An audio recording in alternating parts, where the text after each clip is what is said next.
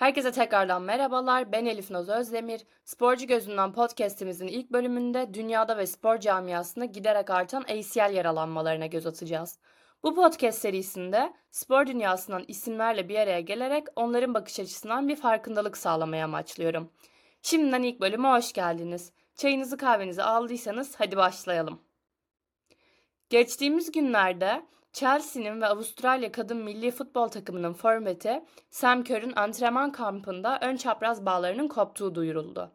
Özellikle kadın futbolunda ön çapraz bağ yaralanmaları alarm verici derecede yaygın ve de giderek artmakta. ACL yaralanmaları cinsiyet fark etmeksizin futbolda en sık karşılaşılan temas dışı yaralanmalardan biri olarak geçmekte.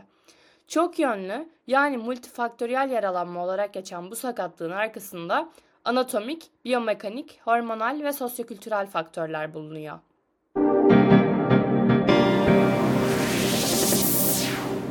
Son dönemde İngiltere kaptanı Lea Williamson'ın Dünya Kupası'ndan önce yaşadığı sakatlık, İrlanda'nın açılış maçına sakatlanan Simon Magill, Fransa'nın Belçika'ya karşı oynanan grup maçında sağdan çıkan Katoto, Arsenal'ın yıldız isimlerinden Beth Mead ve Vivian Miedema, Eurolardan hemen önce antrenmanda sakatlanan Alexia Putellas gibi dikkat çeken vakalar karşılaşılan sorunun büyüklüğünü bizlere hatırlatmaktadır.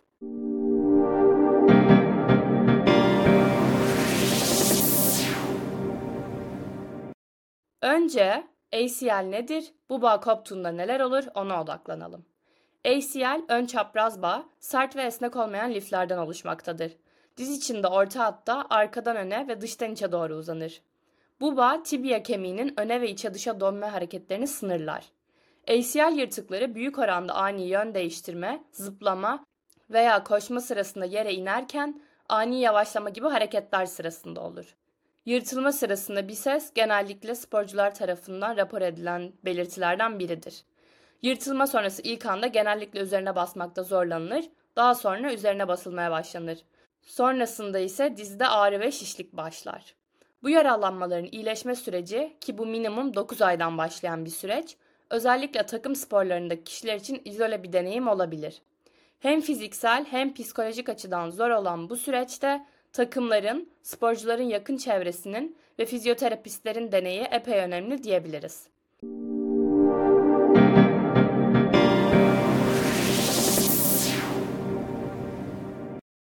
Kadın sporcular maalesef erkek sporculara göre 3 ila 6 kat daha fazla ACL yaralanma riski taşıma eğilimindedir ve günümüzde bu nedenlerin potansiyel önleme ve iyileşme yöntemlerinin anlaşılması için büyük çaba harcanmaktadır. UEFA'nın en son yayınladığı kadın elit kulüp yaralanma çalışması, diğer bir adıyla UEFA Women's Elite Club Injury Study, 2018'den 2022'ye kadar ard arda 4 sezon boyunca 1527 yaralanma hakkında rapor yayınladı. Ve ACL yaralanmalarının %64'ünün temas dışı yani non-contact olduğunu belirtti. Buna ek olarak FIFPro, oyuncu sendikası, Aralık 2023'te çalışma yükü, seyahat mesafesi ve seyahat süresini potansiyel nedenler olarak belirten bir rapor yayınladı. Yaralanma riskini en aza indirmenin en büyük faktörü yaralanma önleme eğitimi. Belirli egzersizleri antrenman ve maç öncesi ısınmalarda düzenli olarak yapan sporcuların ACL yaralanma riskini %60 azaltabileceği gösterilmekte. Bu bağlamda FIFA 11 Plus programı futbolcular için bir yaralanma önleme programı olarak tasarlandı ve 15 yapılandırma egzersizini içeriyor. Bu programların eğitim ve oyun seansları için integral ısınma rutinleri olarak 20 dakikayı aşan bir süre boyunca uygulanması yaralanma riskini azaltmak için stratejik bir yaklaşım. Umarım ilerleyen sezonlarda sahada mücadele eden kadın sporcularımızın sağlığı için önlemler alınır ve bu tür yaralanmaların önüne geçebiliriz. Bu bölümde bana katıldığınız için teşekkür ederim. Bir sonraki bölümde görüşmek üzere. Eğer beğendiyseniz podcast'ime abone olmayı unutmayın. Sporla kalın.